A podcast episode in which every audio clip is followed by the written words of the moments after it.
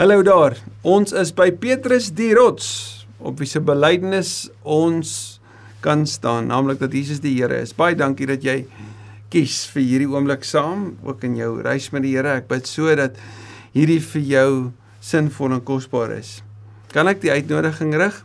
Indien jy hierdie notas wat ek voor my het en die vorige notas wat ons wat ons al reeds weet gehanteer het, as jy daarvan wil hê, asseblief stuur net my e-pos en ek stuur dit graag aan want ons deel dit by Kersfamilie graag. En ons bid so en glo so dat dit tot seën kan wees van mekaar en van ander vir die opbou van die liggaam. Daarom deel dit asseblief ook as dit vir jou sinvol is en van waarde is ook dan met ander. Petrus het ons verlede week geneem na 'n plek toe waar ons opnuut kon nadink oor Jesus wat ons losgekoop het, vrygekoop het. En ons dan word ons die appel gegee en hy en, en, en hy daag ons aan my uit om mekaar van harte en vurig lief te hê. Om nie op te hou nie, om regtig so te leef as mense wat vreemdelinge in hierdie wêreld dalk is, maar losgekoop is en omdat ons vry is van hierdie wêreldse se se dinge wat ons aftrek en dalk ons koppe by tye volmaak omdat ons vry is daarvan en kinders van die Vader is, kan ons ons Vader naboots.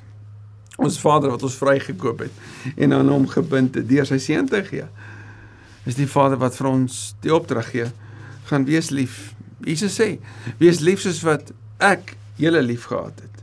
En dat die Gees ons so aan mekaar bind dat ons 'n gemeenskap sal wees van intense liefde. En ons daarvoor geken sal word. Ek weet nie hoe dit met jou gegaan hierdie week nie. Kon jy dit regkry? Het jy dit uitgeleef? Waar het jy gesukkel daarmee? Ons kan hom altyd vra om ons te help vir meer. Meer van hom sodat ons met meer liefde en dieper liefde en opregte liefde vir hierdie wêreld kan wys wie hy is. Kom ons bid dat hy ook deur sy woord aan die woord sal wees nou. Dankie Here Jesus vir oomblikke soos die. Dankie vir u woord. Dankie dat ons net kan inasem en bewus wees van u liefde en u teenwoordigheid en u hier wees. En vandag het kan uitasem dit wat pla en krap en swaar is wat ons moedeloos maak en ons dalk afdruk. Petrus praat van beproewing. Beproewing is nie lekker nie. Loutering is nie lekker nie. Die smeltkroes van die lewe bring bring baie ongemak en elke keer nadat ons deur die onsuiverhede of van die onsuiverhede gereinig is, ons nie daarna terugkyk dan is ons dankbaar vir die proses, maar in die middel daarvan, Here, is dit sleg.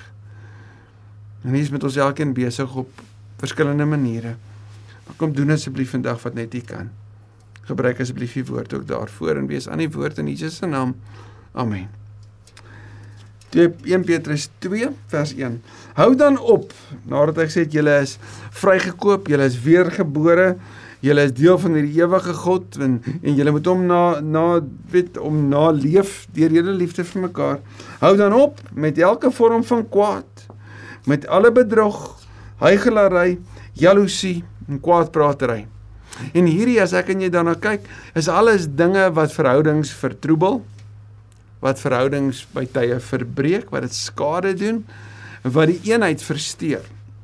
En ek en jy kan gaan kyk nou al die plekke in ons lewe, die terreine in ons lewe waar ons hierdie sien, dis elke keer daar om 'n eenheid tussen mense te verbreek.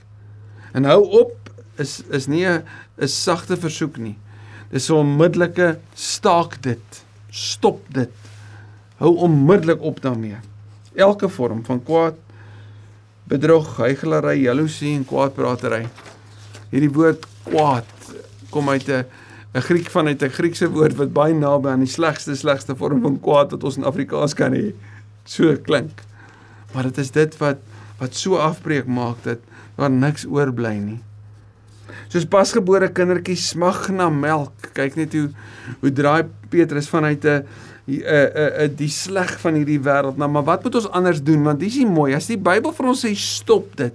Dan los dit ons nie in die lig nie. Dit sê altyd vir ons, maar wat is die alternatief en wat moet ons juis doen?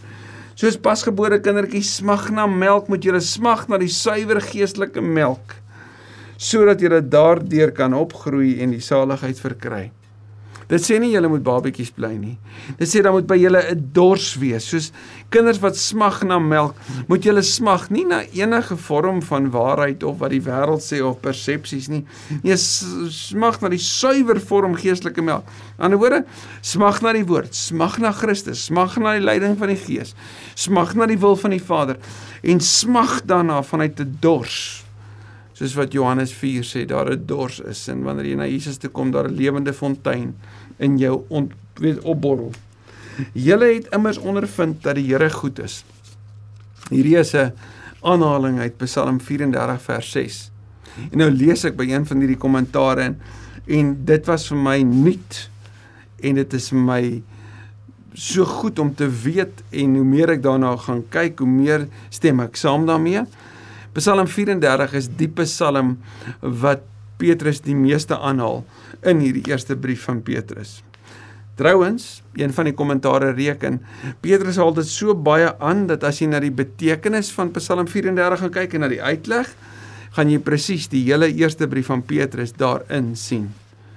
So 1 Petrus 5, ag 1 Petrus 1 tot 5 is 'n praktiese uitlewing en stem soveel saam op soveel vlakke saam met wat in Psalm 34 neergepen is. En wanneer as dan jy dit self ondervind, dan dan sluit dit aan by die voorafgaande en dit verbreed dit want aan die een kant het Petrus gesê dat dat al het jy hom nie gesien nie, glo jy tog. Maar nou kom sê hy dat dit wat jy glo en dit wat jy bely, dit het jou eie lewe so geraak dat jy dit self ondervind het. Persoonlike ontdekking, persoonlike ontmoeting met God, persoonlike belydenis, niemand kan dit wegvat nie. En wat het julle beleef? En hierdie is 'n is 'n belydenis wat almal deel, wat dat die Here goed is, Psalm 34 vers 6. Kom na hom toe. Hy uitnodiging, net soos Matteus 11:28 sê, kom na hom toe. Die lewende steen wat deur die mense afgekeur is, maar deur God vir die ereplek uitverkies is. Die lewende steen. Petrus wat natuurlik alles weet van klippe, nê. Sy lewe het in sy lewe het hy soos 'n klip gesak toe hy toe hy in die storm uit die skip uit die boot uitklim en na Christus kyk en toe na die sy omgewing kyk en toe het hy soos 'n rots gesak af in die water in, maar Christus het sy hand gegryp. Toe hy sê Here help my. Dit neem soms dat ons begin sink voordat ons by die belydenis uitkom dat ons nie onsself kan red nie, nê. Here help my. Jesus wat sê op op hierdie rots gaan ek my kerk bou. Die belydenis dat Jesus die Here is. Nou hoe verwys wys Petrus na homself verseker nie as die rots nie. Maar eerder as een van die klippies waarmee God sy sy huis bou. Lewende stene.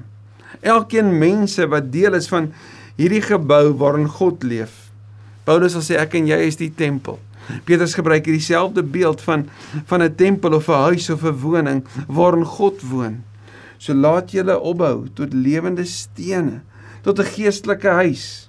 Bo hierdie lewende steen eh, wat wat ons sien in Psalm 118 wat Paulus so gereeld gebruik, gebruik Petrus ook afgekeur maar uitverkies vir die ereplek. Laat julle as lewende stene opbou tot 'n geestelike huis om 'n heilige priesterdom te wees. Wat doen priesters? Wel by die by die woning van die Here soos die Ou Testament dit verstaan het, by die tempel het hulle namens die volk ingetree deur gebed, deur die bring van offers, deur deur die vertel van God se wil en God se woord, die uitleg daarvan. Maar wat moet die gelowiges nou doen? Presies dit. Kom bemiddel genade as lewende stene in hierdie wêreld as as die woning van die Here kom wees bedienaars van sy woord kom wees bedienaars van sy genade die veelvuldige genade kom wees bedienaars van sy liefde en en sy vergifnis en die nuwe lewe kom tree in namens hom want dis wat priesters gedoen het in hierdie wêreld 'n heilige priesterdom soos wat hy in hoofstuk 1 vir ons gesê het wees julle heilig want julle Vader is heilig. Om 'n heilige priesterdom te wees en geestelike offers te bring wat deur Jesus Christus vir God welgevallig is. Geestelike offers? Wel dit beteken om dade te doen van liefde en diens nie waar nie Daarom staan daar in die skrif: Kyk, ek lê in Sion 'n hoekklip, uitverkies vir 'n ereplek. Wie in hom glo word nooit teleurgestel nie. Dit kom uit Jesaja uit. Hierdie hoekklip, die belangrikste klip. Sommige sou sê dis die die hoek van die fondasie vir die belangrikste klip in die in die in die brug van 'n gebou. Ander sou sê nee, dis die boonste klip wat jy nie kan mis nie. Hoe dit ook al sê, dis die belangrikste fokuspunt. En wie is dit? Jesus Christus. Dis die belangrike, né? En ons het dit by Romeine ook gesien. As Jesus nie die die fokuspunt is van elke preek en van elke gemeente nie, dan het ons eintlik nie bestaansreg nie. Want dit moet net oor hom gaan. Kolossense 1:15 tot 20 beskryf dit so mooi. Wie in hom glo word nie teleurgestel nie. En dit is belangrik om dit te weet dat as jy jou vertroue op hom op hom plaas, dan dan word jy nie teleurgestel nie. Hy sal jou bystaan. Hy sal daar wees. Sy woord is waar. Hy is getrou. Ja, die wêreld kan jou teleurstel, omstandighede kan jou teleurstel, maar hy sal nie. Want hy bly die ewige, die konstante, die een wat nie wegbeweeg nie, maar die een wat nader na jou en my toe tree. Julle wat glo deel in hierdie eer. Watter eer? Die eer om deel te wees van hierdie ewige woning van God waarin hy tuis is. Maar vir die wat nie glo in die geld die woorde, die klip wat deur die bouers afgekeur is, jy's hy het die belangrikste klip in die gebou geword. En 'n klip waaroor 'n mens struikel en 'n rots waarteen jy jou stamp. Psalm 118 wat soveel keer aangehaal word, Paulus doen dit ook wanneer hy veral vir die Korinte gemeente dit skryf. So of jy glo in Jesus en jy bou op hom en hy word die hoeksteen van jou lewe. Of jy kies om nie om te glo nie en jy struikel en val oor hom en jou ongeloof lei tot jou verplettering lei tot jou skade en jou seer jou verdoemenis. Hulle struikel omdat hulle nie aan die woord gehoorsaam is nie. So het God dit ook vir hulle bestem. Wat beteken dit? Dat God hulle bedoel het om ongehoorsaam te wees? Nee. Dat die wat ongehoorsaam is wat nie glo nie wat nie wat nie in hierdie verhouding met die Here leef nie wat nie heilig leef vir hom toegewy aan hom nie. Hulle wat wat wat hulle rug daarop draai. Want hulle bestemming is seker en God het daai bestemming 'n sekere sekerheid gemaak. Maar hy het die ewigheid 'n bestemming gemaak en hy het die prys betaal sodat ons vir altyd by hom kan wees. As jy dit wat hy betaal het in ons plek, as jou rug daarop draai, wel dan is die ander opsie dat jy nie by hom sal wees nie. En dis letterlik hel my om sonder hom te wees vers 9. Julle daarteen is 'n uitverkore volk. Baie verskriklike mooi woorde. Julle is uitverkies. Met ander woorde, julle is uit hierdie aarde uitgeneem. Julle behoort aan my, nê? Nee? 'n Koninklike priesterdom, 'n nasie wat vir God afgesonder is, die eiendomsvolk van God. Jesaja se woorde, Hosea se woorde wat so geëgo word. Om te kom sê, maar onthou mooi, julle is anders. In hierdie wêreld wat julle as vreemdelinge beleef, wat julle jouself as vreemdelinge beleef wat vir julle louter en beproef en swaar is. Onthou julle identiteit, wie julle is. Die volk wat die verlossingsdade moet verkondig. Van hom wat julle uit die duisternis geroep het na die wonderbaarlike lig toe. Die lig skyn in die duisternis, die duisternis kon dit nie uitdoof nie. Hierdie hierdie boodskap van hoop wat die wêreld in moet gaan. Julle is die mense wat dit moet gaan vertel. Hierdie nuwe nasie wat deur God geroep is 'n nuwe nasie? Ja.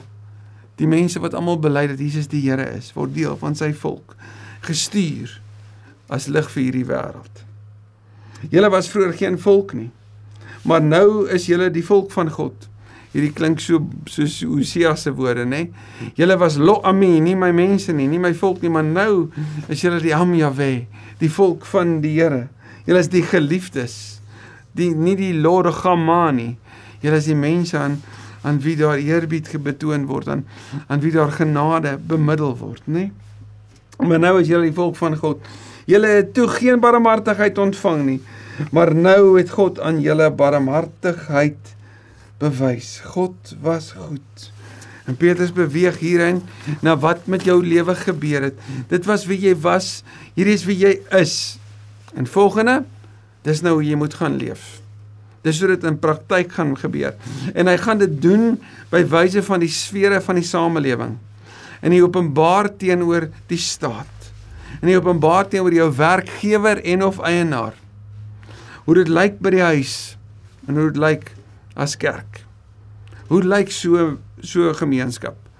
So 'n 'n spasie waarin die Here tuis is, waarin die lewende stene hulle laat opbou tot 'n geestelike huis waar God tuis is.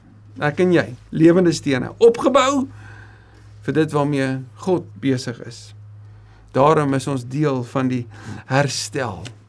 Daarom is ons deel van die hervertel. Daarom is ons deel van God se se nuwe lewe waarin Jesus die Here is. Amen.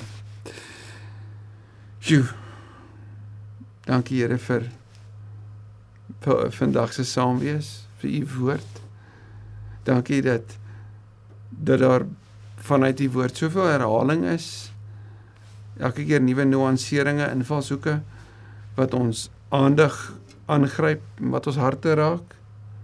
En wat ook al dit is wat u vandag vanuit die woord met ons kom doen het, help ons om daarmee verder te stap en al hoe meer gevorm te word. Dankie die Here dat dat die die opdrag van 'n lewende stene wees van om heilig te wees, nie net vir individue is nie, maar vir elkeen van ons. Mag ons mekaar daarom juist daarin help. Help ons om alle forme van kwaad en jaloesie en haat en kwaadpraatery wat afbreek maak om dit regtig te staak. As daar dele is in ons lewe waarvan ons waarby ons betrokke is wat dit verteenwoordig, help ons om ons rug daarop te draai sodat ons ongeveins kan lief hê soos U. In Jesus se naam. Amen. Mag ek en jy hierdie ook hierdie week gaan leef. Tot ons volgende keer mekaar weer sien.